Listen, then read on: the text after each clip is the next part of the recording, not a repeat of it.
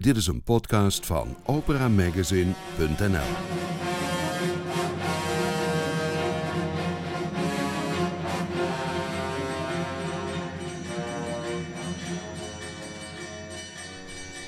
Welkom in Studio Nibelheim.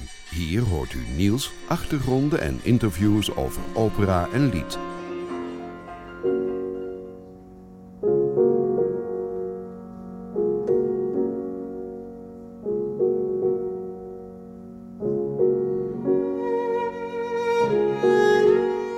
Opera Compact, opgericht door regisseur Sibrand van der Werf en zangeres Fenna Okrajensek, komt deze zomer met de opera Rusalka van Dvorak. De voorstelling wordt buiten gespeeld in de haven van het consortium Grensmaas bij het dorp Schipperskerk in de buurt van Sittard. Het plan dateert al van voor corona. De uitvoering komt op een moment dat veel coronamaatregelen zijn versoepeld. Opera in de openlucht is hoe dan ook een immens karwei. Tappen voorwaarts. Dat bleef Sibrand van der Werf herhalen. Studio Nibelheim ging kijken bij de repetities in Sittard, waar sopraan Christina Bietens en tenor Denzel de Lare de slotscène repeteerden. We spraken de regisseur, zijn assistent Luc Bellemakers en dirigent Per Otto Johansson, die het ensemble Heritage Sinfonietta zal dirigeren. Maar eerst ruim een jaar terug, naar maart 2020. Een dik jaar geleden, Siebrand, was je aan het repeteren voor Don Giovanni, de eerste grote productie van Opera Compact. En toen de lockdown uitbrak, zei jij, nou, maar we gaan het wel doen, desnoods voor minder mensen. Is dat uh, gebeurd? Uh, nee, nee, dat is, uh, nee de, première op 4 april die, die hebben we inderdaad moeten cancelen. Nee, het is bizarre tijd. toppen en dalen. En dat je echt denkt, man, man. Inderdaad, het interview wat wij hadden was 13 maart. En 15 maart was dan s'avonds die persconferentie. 16 maart zat ik plotseling thuis. En echt, dat, dat was zo buiten verwachting op dat moment. En dat geldt natuurlijk voor iedereen. Maar we hebben ons jaarverslag van dat jaar ook maar Little Did They Know genoemd. Want, nou ja, bizar, bizarre tijd. En ook wel, ook ergens wel een tijd, een, een, een, een bijna een tijd van trots. Omdat we uh, wel in staat zijn geweest als beginnend gezelschapje met je eerste productie toch al onze uh, uh, opdrachtnemers, moet ik zeggen, 75% van een originele gage te betalen. Met dank aan de fondsen en... Dus dat, dat is zakelijk, denk ik, wow, wat ben ik echt wel tevreden dat we, dat we dat zo gedaan hebben. Maar ja, artistiek, het is zo ongelooflijk raar dat je, dat je tegen dat je plotseling beseft dat de productie waar je zo hard voor gewerkt hebt, dat die gewoon niet komt, überhaupt niet komt. Daar is, je zet alles in het werk, verplaatsen, vervangen, maakt allemaal niet uit, dat doe je. En hier was er gewoon niks. Ik zat gewoon thuis tijdens de première. Bizar. Je bent dat COVID-jaar best druk geweest, onder andere in de zomer in Salzburg, waar je hebt meegemaakt hoe het met alle beperkingen wel kon. Ja, ja, kijk, Oostenrijk zat sowieso al, uh, zat er natuurlijk al iets eerder in, uh, tot de nek eventjes. Uh, het was grappig dat ik, toen ik daar was, zag ik uh, papiertjes op de toiletten hangen, hoe je je handen moet wassen enzovoort. En die dateerden allemaal van begin februari. Dat ik, jemig, toen hadden wij het echt nog over een virus ergens in China, geloof ik. Maar kijk, ja, de Salzburger Festspielen is natuurlijk een ander soort partij dan, nou, dan bijvoorbeeld Opera Compact. er waren toen de lockdown begon meen ik me te herinneren, al aan 23 of 24 miljoen euro aan kaartjes verkocht. Maar dat maakte dat bedrijf wel, de, schiep de mogelijkheid om in plaats van te zeggen wanneer mogen we weer, om te, naar de overheid te stappen en te zeggen hoe gaan we dit mogelijk maken? Hoe gaan we dit festival, hoe kunnen we het zo doen dat wij onze maatschappelijke be, uh, verantwoordelijkheid als cultureel bedrijf, als wereldwijd festival, hoe kunnen we uitstralen, dit is nu belangrijk. En dat resulteerde in een heel complex systeem met testen en enzovoort. En een, een, een echt een, apart, uh, een aparte testruimte onder in het uh, kartenbureau. Maar dat gaf mij heel erg in die periode een soort uh, ja, steuntje in de rug van... wauw, wat, wat, wat maken we uit? Wat zijn we belangrijk met cultuur? En dat wordt natuurlijk heel hard nu ook wel geroepen. Ik ben uh, nog steeds de jongen dankbaar voor zijn opmerking over de, zijn dvd'tje. Omdat dat een plotseling een enorme saamhorigheid in de kunsten tot gevolg had. En dat, dat gaf een soort, plotseling een soort activisme wat, wat we echt nodig hadden. En dat activisme was in... Um, of activisme is het verkeerde woord, maar de, de vanzelfsprekendheid, hoe belangrijk cultuur is, was in Salzburg heel, heel erg tastbaar. Daar maakte je duizend kanichen Duizend, duizend kranichen, ja. eh, duizend kraanvogeltjes. Ook dat eh, was, dat was al een, een oude plan natuurlijk. Maar omdat het dan gaat over een meisje wat ziek is van eh, de, de stralingsziekte van de atoom op Hiroshima. Ging het ook over ziekte. en gaf ook wel, ja, zo dat, dat verdeelde publiek. Hè. Er moesten allemaal stoelen vrij. Dus er zat een soort eilandjespubliek voor die voorstelling. En zeker met, met jeugd. Dat was echt wel bloederen voor de spelers. Maar het gaf een enorme verbondenheid en een soort noodzaak. We moeten dit, we moeten dit. En dat vond ik wel, ja, dat was heel bijzonder. Een bijzondere tijd. Je hebt nog meer gedaan, maar daar gaan we het niet over hebben, want anders hebben we geen tijd voor het echte verhaal. Want Rusalka stond al gepland. Het is je tweede openluchtopera Ja. voor het consortium Grensmaas. Ja. Wat in deze regio bekend is als de club die de Maas stuurt, zou je dat zo kunnen zeggen? Ja, de, misschien eh, herinneren luisteraars zich nog de grote overstroming in de jaren 90, Itteren, Borgharen. En toen is er een groot nationaal plan gekomen om de Maas van eh, Maastricht tot Venlo te verbreden. En het verdienmodel daarbij is dat dat grind wat daarbij vrijkomt, dat wordt verkocht aan de bouw. En dat is een gigantisch bedrijf, eh, ja, een, een, een consortium van bedrijven die samen eh, dat mogelijk maken, daar nieuwe natuur creëren en stroombedding voor de Maas. En ik heb daar, vijf jaar geleden heb ik daar een, een klankvoorstelling, opera gemaakt. En omdat Roussalka, het grappige was, ik was bij Roussalka aan het denken, ik wil niet naar de theaters, want dat hebben we dan allemaal gehad. We hebben al Don Giovanni gedaan, eh, dat is allemaal achter de rug. Little did they know. Eh, ik wil naar buiten. Eh, of in ieder geval apart. En toen dacht ik, gaan we gaan of naar een zwembad, of we gaan de natuur in. Nou, dat is de natuur geworden.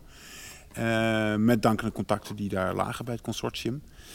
En, en ja, fijn dat dat uiteindelijk heel erg corona-proof bleek. En ik dacht een jaar geleden, toen zaten we, zo kwamen, kropen we zo voorzichtig uit de eerste lockdown, dacht ik van nou ja, daar hebben we dan geen last meer van. Maar ja, nu bouwen we wel een, nog steeds een tribune van bijna 80 meter breed voor 500 man, om maar die veiligheid te garanderen. Dus het is, ik ben blij dat we het zo hebben en dat we niet eh, nu zouden moeten denken van oh jee, kunnen we al in een theater een première hebben 1 juli. Het uniek is dus dat dit gepland was voor corona en het gaat gewoon door. Ja, bizar toch? ja, nee, het is, het is wel. Dat voelt nu. Het is nog steeds keihard werk hoor. En je bent heel veel tijd. En vooral Fenna, want ik ben nu gewoon aan het repeteren. Ja, ik moet eh, mijn, kernwerk doen. Maar Fenna Orientsek, de zakelijke leider, is keihard aan het werk om vergunningen en overleg met de veiligheidsregio's. En daar. En toegangsbewijzen, eh, nou, noem maar op. Wat is, wat is er nodig om dit mogelijk te maken? Eh, en daar zit heel veel werk in. Dat is echt, echt keiveel werk. Maar het gaat wel gebeuren. En dat, is, ja, betekent wel dat we waarschijnlijk een van de eerste echt grotere evenementen in Limburg, zo niet in Nederland zijn. Je gaat zo repeteren. Ehm, laten we daarna nog even praten over deze productie. Want je, wat ga je repeteren? Je gaat dadelijk die eindscène volgens mij doen, hè? Ja, we gaan de, de derde acte staat op het menu voor vanochtend. Eh, ik heb uh, Roussalka en haar prins, uh, Christina en Denzel. En we moeten het einde nog. De, we hebben al een doorloop achter de kiezen. Maar uh, ja, het, probleem is dat je op die locatie is eigenlijk vrij weinig plek om heel erg de details te zien. Dus ik, ik heb alles wel gezien in de doorloop, maar ik denk nee, dat moet wat steviger, dat moet iets meer communiceren. Dus daar gaan we nu aan beginnen. Nu,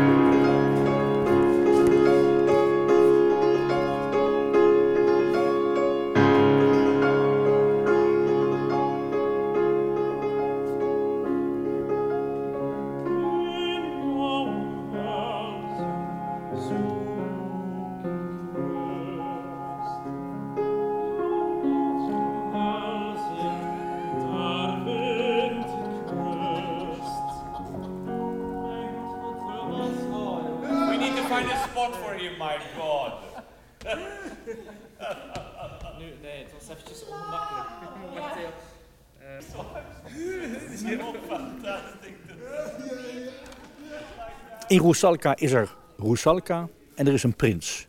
De prins Denzel de Lare, Roesalka, Christina Bitens. Kunnen jullie iets zeggen over de rollen die je zingt? Wat is die prins? Wat is die Roesalka voor een persoon? Wat voor type? Christina? Ja, Rosalka als een uh, zeemermin die uh, haar wereld verlaat. Haar vader, haar zusjes, alles wat, wat zij kende. Voor, uh, voor een prins. Um, dus ja, ze, ze, wil gewoon alles hebben wat, wat ze heeft. Dus zelf haar vissenstaart en, en haar stem. Nou is die prins in het verhaal een prins, maar hier moet je spelen met Denzel. Dat is gewoon een collega, maar je moet doen alsof dat de prins van je droom is. Is, is dat lastig? Ja, ik, ik vertrouw hem gewoon. Ja, ik ken hem niet heel goed, maar soms heb je dat met collega en dan is het geen, geen probleem. En dan is het ook niet ja, die passie of wat wij spelen is, met, is het echt, maar is ook met een afstand tegelijkertijd.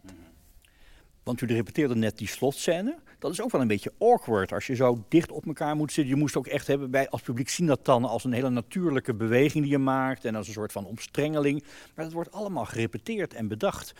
Um, hoe is dat voor jou, Denzel? Ja, het is, uh, het is natuurlijk, we zetten het en we, repeteren, en we repeteren het. Uh, omdat je die lijn moet hebben voor, voor technische redenen en zo. Uh, maar het is, de, de, magie bestaat erin om, om je toch je eigenheid en, en je eigen gevoelens binnen die lijnen te kunnen, binnen die bepaalde uitgestippelde paadjes te kunnen uiten en toch eerlijk te zijn met, je, met jezelf ook. Siebrand, de regisseur, heeft hele verhalen over het verhaal achter Roesalka, over die hashtag anders, hè, waar die regelmatig aan refereert in de teksten. Waar is Roesalka hashtag anders voor jou? Wat voor type is Roesalka als het gaat om dat anders zijn tussen andere mensen? Ja, Roesalka, zij durft het gewoon. Ze zegt, ik, ik ga alles doen om met hem te zijn. En dat vind ik anders. Dat, ik bedoel, durven jouw droom te volgen of durfde met, met je geliefde te zijn, ja, dat is soms moeilijk. Maar zij doet gewoon alles. Geen twijfels, ze gaat voor die droom en ze laat het verstand even zitten. Rosalke weet gewoon wat, wat gaat gebeuren. Hè? Want met haar gesprek met Jezibaba, met die heks, die vertelt... Als, dit, als hij met een andere gaat, je weet wat dan gebeurt. Hè? Dus zij weet dat. Maar op het moment dat ze elkaar weer zien en ja, dan kunnen ze niet. Gebeurt dan gebeurt het iets tussen hun. En, en dan weten ze allebei wat de consequenties zijn om samen te zijn. Maar ja. En die prins Denzel, wat voor iemand is dat? Wat voor gevoel heb je over dat karakter? Uh, ik vind dat de prins een, uh, maakt een, een, grote groei doorheen het stuk. Hij, hij begint een beetje als een prinsje, als uh, iemand meer puberaal of iemand zeer jong van, van geest en van gedachten en ook van hoe hij zijn filosofie, hoe hij naar liefde kijkt en op de wereld kijkt. Ehm, en natuurlijk, hij, heel het probleem dan met, met, met Rosalka, die, die hem niets kan terugzeggen en dat hij daardoor gefrustreerd raakt en daardoor zijn uh, toevlucht zoekt in de armen van uh, de vreemde prinses. Maar uiteindelijk uh, groeit hij toch door naar een, een echte man en, en zoekt hij niet enkel een one-night stand of niets betekende kriebels, maar zoekt hij naar, naar het echt het, het houden van elkaar. En, en dat zoekt hij, dat, dat, dat, dat zegt hij dan naar, aan haar ook in de derde act van uh, ja, ik, uh, ik sterf liever dat ik, dat ik van je kan houden dan eigenlijk dan dat ik mijn leven moet verder doormaken met van de ene vreemde flirt naar de andere te gaan. Ja. Ze treffen elkaar helemaal aan het eind. Dat hebben we net gezien in die slotakte. Jouw t-shirt Denzel, daar staat op Papa pour la vie. Zover komt het niet met Roesalka en haar prins. Geen ouderschap, geen gezin, geen vaste verkering. Want het sprookje eindigt niet met ze leven nog lang en gelukkig. Nee, wat het wel juist uh, een redelijk uniek en mooi sprookje maakt. Want hij sterft gelukkig maar voor het publiek komt het, uh, is het zeer emotioneel en komt het niet gelukkig over voor hen. Maar, maar hij, hij neemt er wel vrede mee. Een sprookje met een, uh, een, een, slecht einde? Op het moment dat, dat wij kussen, dan, dan gaat hij dood. Dat was, dat was de afspraak die ik heb gemaakt. Dat einde is onvermijdelijk. Dus dat, dat kan voor, ja, je zou kunnen zeggen, voor mooie dingen of voor je droom moet je ja. soms zeer veel opgeven. Ja.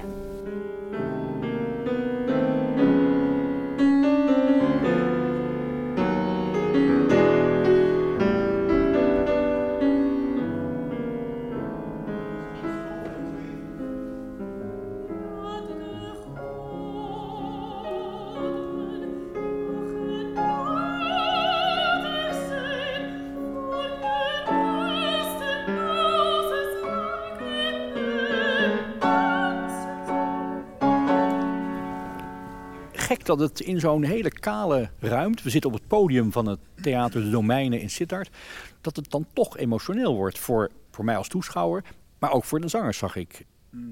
Wat gebeurt er in die... Wat hebben we net gezien? Wat gebeurt er in die eindscène? Want wat is de moraal van Rusalka? Nou, het is natuurlijk een heel tragisch sprookje. En, en uh, het moraal, is een beetje... Kijk, we zijn gewend aan de Disney-versie. Als je maar hard genoeg gelooft in de dingen, dan komt het allemaal vanzelf wel goed. Nou, het sprookje van Andersen en de versie daarvan van Dvorak misschien nog, in, nog meer... is dat niet. Het is echt een tragisch verhaal in die zin... dat Rusalka heeft zich gewoon uh, eigenlijk overgeleverd aan haar wens om anders te willen worden. Anders dan zichzelf te zijn. Uh, en dat komt er duur te staan. En alles om haar heen, alles wat daarmee te maken heeft ook. Dus ook haar prins. En wat je ziet, ik, ik vergeleek het vorige week met Christina heel erg met een ui. Je denkt, uh, er gaat een laag af. Oh, nu, nu, zijn we er wel. Oh, er is, oh, het kan nog verder kapot. Oh, ze kan nog meer de grond ingestampt worden. Oh, die is er ook nog. Dus ze wordt uh, bovenmatig gestraft voor die wens tot anders zijn, denk ik. En daar zit een enigszins positieve moraal in. Is, uh, vind de kracht bij jezelf. En daarin, dat is het, het bitterzoete aan het einde is dat de prins uiteindelijk zegt van... oké, ik weet dat ik als ik jou kus dat ik ga sterven... maar dat is dan maar zo, want dit is wel wie ik nu wil zijn. En uh, waar Rusalka een veel tragischere consequentie... zij verdwijnt in de, in de mist, het wordt een dwaallichtje... Uh, moet, Rusalka moet een tragische consequentie trekken... en hij is ja, de dood is niet per se het eindstation uh, daarin. Het is het zijn wens om te sterven. En die bitterzoetheid maakt het tot een fantastisch einde. Het is, uh, ja, inderdaad, het zijn, er zijn een hoop baksteentjes. Uh, maar zelfs al met een, met een piano en die twee zangers werkt het al zo goed. Is de muziek zo sterk en, en grijpt echt je hart. En dan moet ik ook wel zeggen dat we zijn begonnen met uh, omdat je begint met, met ja, wat betekent die scène ook voor jou? Ik vind het leuk om met mensen te praten over uh, hoe, hoe, hoe, sta jij hierin? Al is het niet om dat per se te gebruiken, maar om, ja, om, om identificatie met je hoofdfiguren te creëren. Uh, en dat was eigenlijk bij de allereerste scène, uh, Sef Tissen als de vader van Roussalka en Roussalka, waar zij zegt, ik ga je verlaten. Nou, die, die tapte allebei direct in het vaatje over, ja, oh, dat ken ik van, dat ken ik van mijn vader, zei Christina. En hoe dat, dat heeft mijn dochter ook, zei Sef. Dus dat was eigenlijk direct al behoorlijk persoonlijk. En als het dan zo tragisch eindigt, ja, dan, dan uh, knijpt het bij mij ook een beetje dicht. dat doet opera dan. Zelfs als je dat buiten gaat spelen, want dit is nog binnen, maar het gaat naar buiten. Het gaat naar hele andere omstandigheden. Um, uh, wat zijn de grote beperkingen of misschien wel uitdagingen van dat spelen in zo'n groot, op zo'n groot terrein met pontons en, en boten, geloof ik? Ik zou bijna zeggen, uh, wat, is er, wat is er wel makkelijk? Dat is de grote vraag. Waarom doen we dit? Nou ja, kijk, uh, ik vind zelf, maar dat is, dat is, dat is een, een, een deel van ons gezelschap, is dat wij heel graag uh, theater weer van de mensen willen maken. En dat klinkt wat pathetisch, maar ik vind het een, een fijn gebaar om te zeggen tegen bij wijze van spreken de inwoners van Schippers, Schipperskerk: hé hey jongens, morgenavond is er naast jullie dorp een opera aan de hand van een of andere Tsjechische componist. Kom kijken allemaal. Dat is één ding. Maar ik, ik hou van locatietheater omdat je ook heel vaak cadeautjes krijgt. Nogmaals, er zijn echt heel veel uitdagingen. In antwoord op je vraag. Uh, hoe krijg ik goed contact tussen de solisten en het orkest, wat echt zo nu en dan 100 meter verderop zit? Dat is geen overdrijving. Hoe zorg ik dat ik focus krijg in zo'n best wel ongecontroleerde omgeving? Want het is niet helemaal donker, we beginnen om 9 uur. Hoe, krijg je, hoe richt je het, de blik van de toeschouwer? Hoe maak ik überhaupt contact met een, een, een, uh, tribune van 80 meter breed? Dat is gigantisch. Nou goed, maar vervolgens is er een momentje dat er, uh, ja, dat weet ik nu nog niet, maar dat er op het juiste moment een vogel overkomt. Dat er een vis uit het water springt.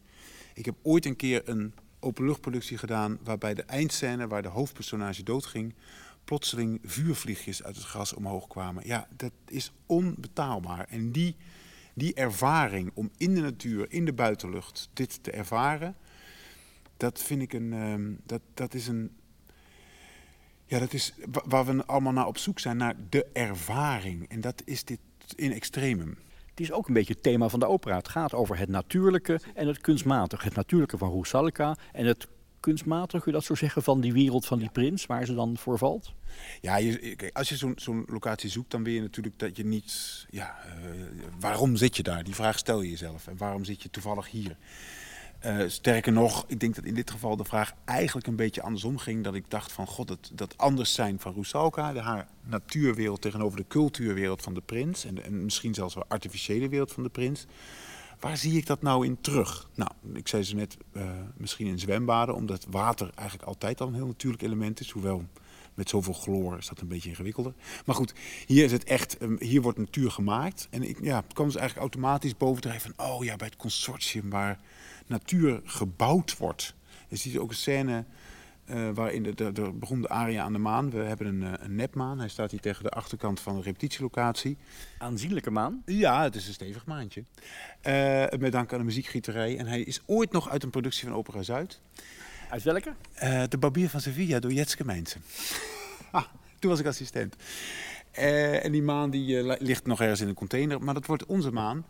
En dat, dat mooie daaraan vind ik dat je zo die, die je ziet zo die, um, die nepmaan, maar die, gaan we, die is best wel realistisch. Dus die voortdurende, uh, hoe noem ik dat nou? De voortdurende balans tussen gecreëerd en natuurlijk, en echt en cultuur, dat, dat zit in alles wat we doen in deze voorstelling. Je bent met Roesalka ook wel een soort van eerste grote open-up productie, denk ik, in Nederland.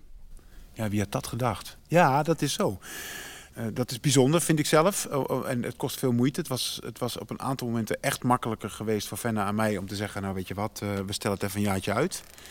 Maar ja, dan kom je weer in een, in een hartstikke vol seizoen. En toen het een maand of drie geleden toch er wel op begon te lijken dat er iets zou kunnen, op wat voor manier hebben we gezegd: Oké, okay, dapper voorwaarts. Ik heb het wel twintig keer gezegd na elke vergadering: dapper voorwaarts.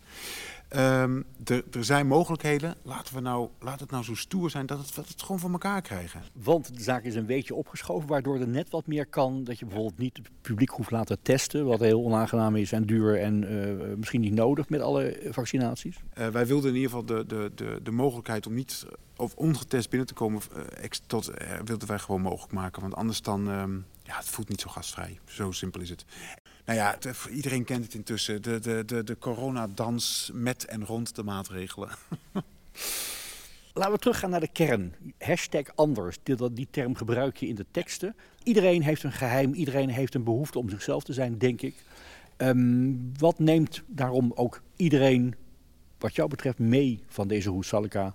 Beleefd buiten aan de Maas in Schipperskerk? Ja. Schipperskerk. Ja, het, het, het, dorpje heet Schipperskerk daarnaast. Waar geen operahuis is en daarom is het buiten. Precies. opera, opera in Schipperskerk. Ja, dat is, dat is natuurlijk. Kijk, mensen moeten sowieso. Um, wij, wij, willen, wij willen absoluut leiden in, daarin. Uh, leiden niet met een, een, lange, maar met een korte ei. Dat we willen zeggen: oké, okay, volgens ons gaat het stuk hierover. En dit zou je eruit mee kunnen nemen. Als mensen daar zitten, een fijne avond hebben, ben ik dik tevreden natuurlijk. Maar ik vind wel dat kunst de kracht heeft om, om te contextualiseren. Een lastig woord voor, voor, ja, voor meer begrip te kweken, ook voor elkaar. Er is, zijn nu heel veel discussies over inclusiviteit en diversiteit. Ik denk dat kunst eigenlijk altijd streeft naar inclusiviteit en diversiteit. Dat is, dat is inherent aan, het, aan, het, aan, het, aan kunst zelf, voor mijn gevoel. En in dit geval, um, ik hoop gewoon dat je dat je snapt dat je bij jezelf mag blijven. Dat, dat, dat je niet per se je moet aanpassen aan anderen. En dat, dat de mensen die dat, de, ja, de omgeving die dat verwacht, ook um, tot een zeker inkeer kan komen van, oh ja, dat is oké. Misschien is eigenlijk wel niet Rosalka de echte hoofdfiguur, wat thematisch gezien, maar is het meer de prins. De prins zegt op een gegeven moment die ja, die, die uh, snapt Rosalka niet en die vindt hem maar raar. En het is uh, jouw koude omhelzingen en ik, ik, heb, ik heb het er niet mee. En die komt op het moment dat zij met hem begint te praten tot inzicht van... oh, ik heb je gewoon echt verkeerd beoordeeld. Ik heb echt niet begrepen ja, hoe het klokje tikt. Het spijt me. En misschien is dat wel de identificatiefiguur. Misschien, ik, want ik wil natuurlijk, ik ben gek op paradijsvogels en ik wil heel graag vertellen dat je anders mag zijn. Maar ik wil vooral tegen de mensen zeggen die dat niet vinden, die vinden van nou doe nou maar normaal, dan ben je al gek genoeg. Wil ik zeggen, nee, je mag anders zijn, dat is oké. Ik zag je net repeteren en naast jou zat je regieassistent. Nou ken ik regieassistenten die zijn 25, ik ken regieassistenten die zijn 35 of 45. Hoe oud is jouw regieassistent? Luc is 17. My god. toen ik 17 was. Nee, dat is niet waar. Toen ik 17 was, maakte ik een bewerking voor school van de Barbier van Sevilla door de DNO, geregistreerd door Dario Fo.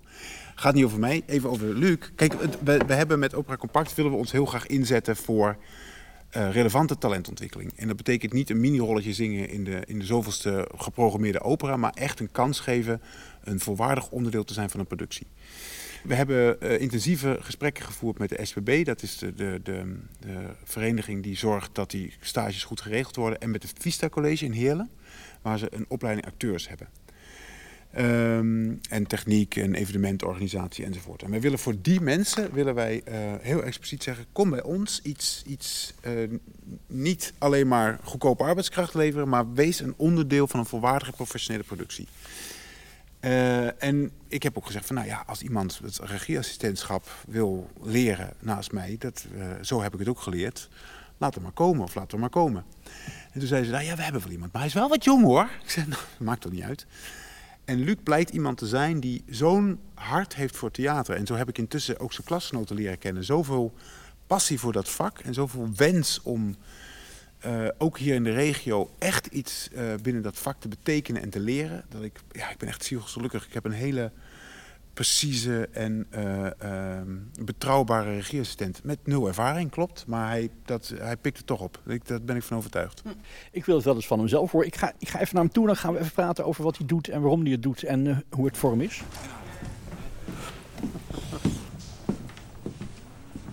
Luc Bellemakers, je bent pas 17 jaar. Misschien wel de jongste regieassistent van Nederland. Hoe ben je in deze productie gerold? Ik zit op het Vista College in Heerlen, waar ik de opleiding acteur volg. En Siebrand heeft vanuit Opera Compact een mailtje gestuurd dat ze figuranten en één regieassistent zochten. En ik heb daarop gereageerd en toen hebben we kennismakingsgesprek gedaan en zo. En toen ben ik, ben ik aangenomen. Hoe begint zoiets? Hoe begint zo'n proces? Nou, het was voor mij sowieso lastig, want dat was ook de eerste opera waar ik ooit mee te maken kreeg, uh, waar ik iets mee heb gedaan. Dus ik vond het begin wel lastig, maar goed, de eerste dag werd vooral doorgezongen. Dus ik kon, leerde alles al een beetje kennen. Ik had de opera al een paar keer doorgelezen en een paar keer beluisterd. Dus ik kende hem wel al. En toen zijn wij vrij snel aan de slag gegaan. En eigenlijk binnen een week wist ik precies wat ik moest doen, wanneer ik wat moest doen. En dus eigenlijk is dat vrij makkelijk gelopen. Ik zag je net zitten bij de repetitie naast Siebrand. Wat voor werk doe je naast Siebrand letterlijk aan die tafel bij het regisseren? ik schrijf heel veel op, eigenlijk de afspraken die gemaakt worden. Dus wie waar staat, wanneer iemand loopt, dat soort dingen. Ook zodat de solisten naar mij toe kunnen komen en zeggen van... waar sta ik op welk moment?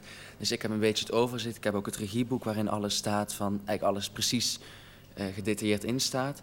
En daarbij zeg ik ook af en toe van, oh, kun je niet misschien beter dit of dat doen? Dus, dus ik help ook echt wel af en toe momentjes bij de regie. Het is echt je allereerste opera, dat kan ook niet anders als je 17 jaar bent. Um, wat, is, wat is de grootste verrassing die je hebt gehad bij het ontdekken van het genre en het repeteren en het werken aan deze productie? Uh, nou, de grootste, ja, ik weet niet of dat de grootste is, maar de eerste verrassing die ik had, was ik op de eerste dag, dat iedereen de opera al helemaal van buiten kende en de noten. Daar stond ik als acteur versteld van, omdat wij vaak beginnen met eerst uh, het script doorlezen en dan leest iedereen voor het eerst script. Maar hier kende iedereen alles al, dus dat ik echt... Ja, nou ja het, is, het is natuurlijk heel anders als theater, ook omdat je vast zit aan al een bepaalde compositie en teksten. En, dus je hebt in een bepaalde zin minder vrijheid, maar daardoor ook weer meer vrijheid. Dus het is heel anders. Dus dat is echt de grootste verrassing die ik tot nu toe heb. Het is veel trager dan theater. Hè? Je kunt sneller praten. Is dat, klopt dat? Of zie je al bedenkelijk kijken? Nou, daar ben ik het niet zo mee eens. Nee. nee, ik vind het juist wel fijn dat het hier... Ja, sommige momenten zijn inderdaad iets trager, maar andere gaan weer heel snel. Dus ik vind het qua tempo op zich wel op theater lijken. Dat vind ik ook wel interessant eraan. Heb je één ding van Siebrand gezien wat je heel graag gaat overnemen in je eigen praktijk? Een aanpak, een methode? Ja, ik vind dat Siebrand heel goed is uh, met een stemming creëren. Hij, hij, op de eerste dag is eigenlijk iedereen al heel comfortabel rond hem en rond elkaar. Dus dat is echt, ik vind dat echt een van zijn biggest strengths. Die hij echt wel, die, waar ik echt wel naar opkijk, ja. En gewoon zangers eens goed uitschelden? Nee, nee, nee, dat is er niet bij. Nee, nee, nee, nee, nee. Dat doen we niet. Nee, we gaan wel heel respectvol met elkaar om. En het is, er is zo'n vertrouwde sfeer waarbij je, waarbij je inderdaad af en toe wel iets strenger kunt zeggen, maar het is, het is echt een fijne sfeer. Ja. Pa, fortepiano. Ja. And the next part, nothing. Ja, as well. Yeah, yeah. No, the same. It, it means the same. Snot, snot, is, is, snot. Okay. Not, yeah. Hey, is it okay that we do uh, five, five minutes and then, and then the is okay? Per Otto Johansson, is there a better proof that things are getting back to normal than you conducting in the south of this country because you are back. Yeah, I'm back, and it's with such pleasure and such joy. It's uh, I can't really express even bigger, stronger with this because uh, the last uh, one and a half year, of course, has been so incredible, devastating time. Uh, it's fantastic to work with opera, opera singers, and uh, with now with Rusalka. It's it's it's fantastic there is not a big orchestra. It will be an opera outside in the open. Uh, how will it look in terms of ensemble and how will you be positioned? Yeah, we still uh, a bit looking for a really, really good, good, good position for for not, not only me but for for the whole ensemble, of course. But I think we have a plan B or plan A also before that, of course. but uh, but uh, it's a small ensemble. We are around 30 people, so it's not that small, and uh, it uh, it's an arrangement uh, for for this ensemble, and uh, it's Mark Versteeg, I think, who did it, the arrangement, and it looks very good at the moment. So. I, I'm, I'm very thrilled about how it will sound together. Mm. And what's different from the regular opera in an opera house in this Rusalka? Yeah, of course. I mean, we are open air. It's open air, and we are in an environment of uh, of this this stone and water and how what they fixed with the stones. But I, I find it uh, the smell and the, the the picture will be lovely. Of course, we have a, we have a smaller orchestra, but it also brings another color. It brings other transparence and it brings uh, flexibility that can be uh, very positive. So I'm, I'm very uh, curious about how everything will come together, and uh, I'm sure with, with, with this ensemble, with the soloists we have, with with, uh, with Sibrand, with the director, and and uh, and this this uh, orchestra, I'm I'm sure it will be really good glue together. Looking forward to that. Thank you. Thank you. Thank you a lot. Yeah, we go for a coffee or something. You want to join? You go on. Yeah, no, I want to join, but I have to. I have to talk to the bloody journalists, you know. Het journaille. But you, you, said- you text, you, I can text me. and- Je gaat nu nog repeteren met eh, piano en met Per Otto Johansson eh, als dirigent die ook het ensemble gaat regisseren. Dat is een bijzonder ensemble volgens mij voor deze productie. Het is niet de Philharmonie Zuid-Nederland. Nee, nee, nee, nee. Nee, dat is wel leuk. We hebben een, eh, we hebben een ensemble. De, ehm, er is een arrangement gemaakt voor 21 instrumentalisten door Mark de Steeg. En dat ensemble, dat, is, ehm, dat komt voort uit het ehm, uit Heritage Sinfonietta. En dat is een orkest wat hier vanuit de regio op eenzelfde manier opereert en wil opereren als opera compact. Het is een, wat wij doen met opera, het, het, ja, het, eh, aanraakbaar maken, eh, gewoon, gewoon van ons, doen zij met symfonische muziek. Ze hebben een fantastisch concert, het klarinetconcert van Mozart met Arno Pieters opgenomen. Het is zo mooi en het is zo helder, en, maar wel hier uh, flexibel, kleiner en dus goed. Jij moet weer door met repetitie. Zijn we daarna van opera compact af na deze Hoesalka? Nou, dat hoop ik niet. Nee, het is zo gek om te bedenken dat wij... We hebben al wel een productie achter de rug. We hebben intussen drie premières gehad. Eh, maar ja, wel allemaal wat kleinere dingen. Dit is onze eerste grote. Dat zou Don Giovanni hebben moeten zijn. Daarna nog een Fruitshoots die verplaatst is. Met dank aan corona. Um, het is niet bedoeld als opstap, als begin van ons gezelschap. Dat is het nu plotseling wel. Um, en ik hoop heel erg dat mensen zeggen van... oh ja, dit smaakt toch ook weer naar meer. Hier, en, en ik hoop natuurlijk dat ze ook naar ons terugkomen... maar ik hoop ook dat ze naar opera toe komen. Dat ze weer even zien dat het genre niet ingewikkeld en elitair is... maar dat het, ja, dat het bij wijze van spreken naast je dorp in de haven ook plaats kan vinden. Dat doe je met Rusalka, maar je gaat ook nog van de zomer het land in, nou in september, met een kleine productie. Circus van de Stem? Ja, het Circus van de Ongehoorde Stem. Dat is een van die uh, wat kleinere producties die we, uh, we, we... proberen een combinatie te maken tussen zaalproducties, openluchtproducties en...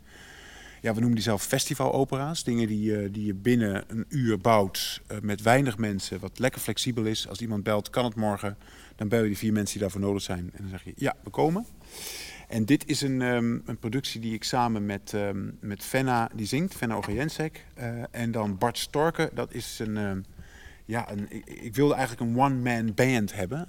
Zo'n directeur die dat hele circus alles overeind probeert te houden. Zelf jong leert, zelf orkest doet. En zo iemand is Bart. Eh, alles gaat met een glimlach, alles gaat met plezier, alles gaat met kwaliteit. Het is een feestje om met die man te werken. Eh, en het gaat over een circus wat eigenlijk zijn nadagen heeft. De olifanten zijn opgegeten, alle clowns zitten in de politiek. En nu, we hebben nog één act. Oh ja, die sopraan. Maar dat moet dan een beetje vlammen. We moeten wel presteren, presteren. En zij eh, gaat dan de aria van de Koningin van de Nacht zingen. Dat is haar grote paradeplaatje, maar dat kan ze eigenlijk niet. Dus eh, ja, en daar wordt alles aan opgehangen. Het, is, het gaat heel erg over prestatiedrang. Nou, we spelen op meerdere festivals eh, deze zomer, eh, maar bijvoorbeeld ook eh, bij bedrijven. het, is, het is een hele flexibele, vrolijke productie die door het land gaat toeren. Ik zie, jij moet weer gaan regisseren, want ze staan te wachten tot jij weer aanwijzingen geeft over hoe het nog mooier kan. Simon, dankjewel en veel succes.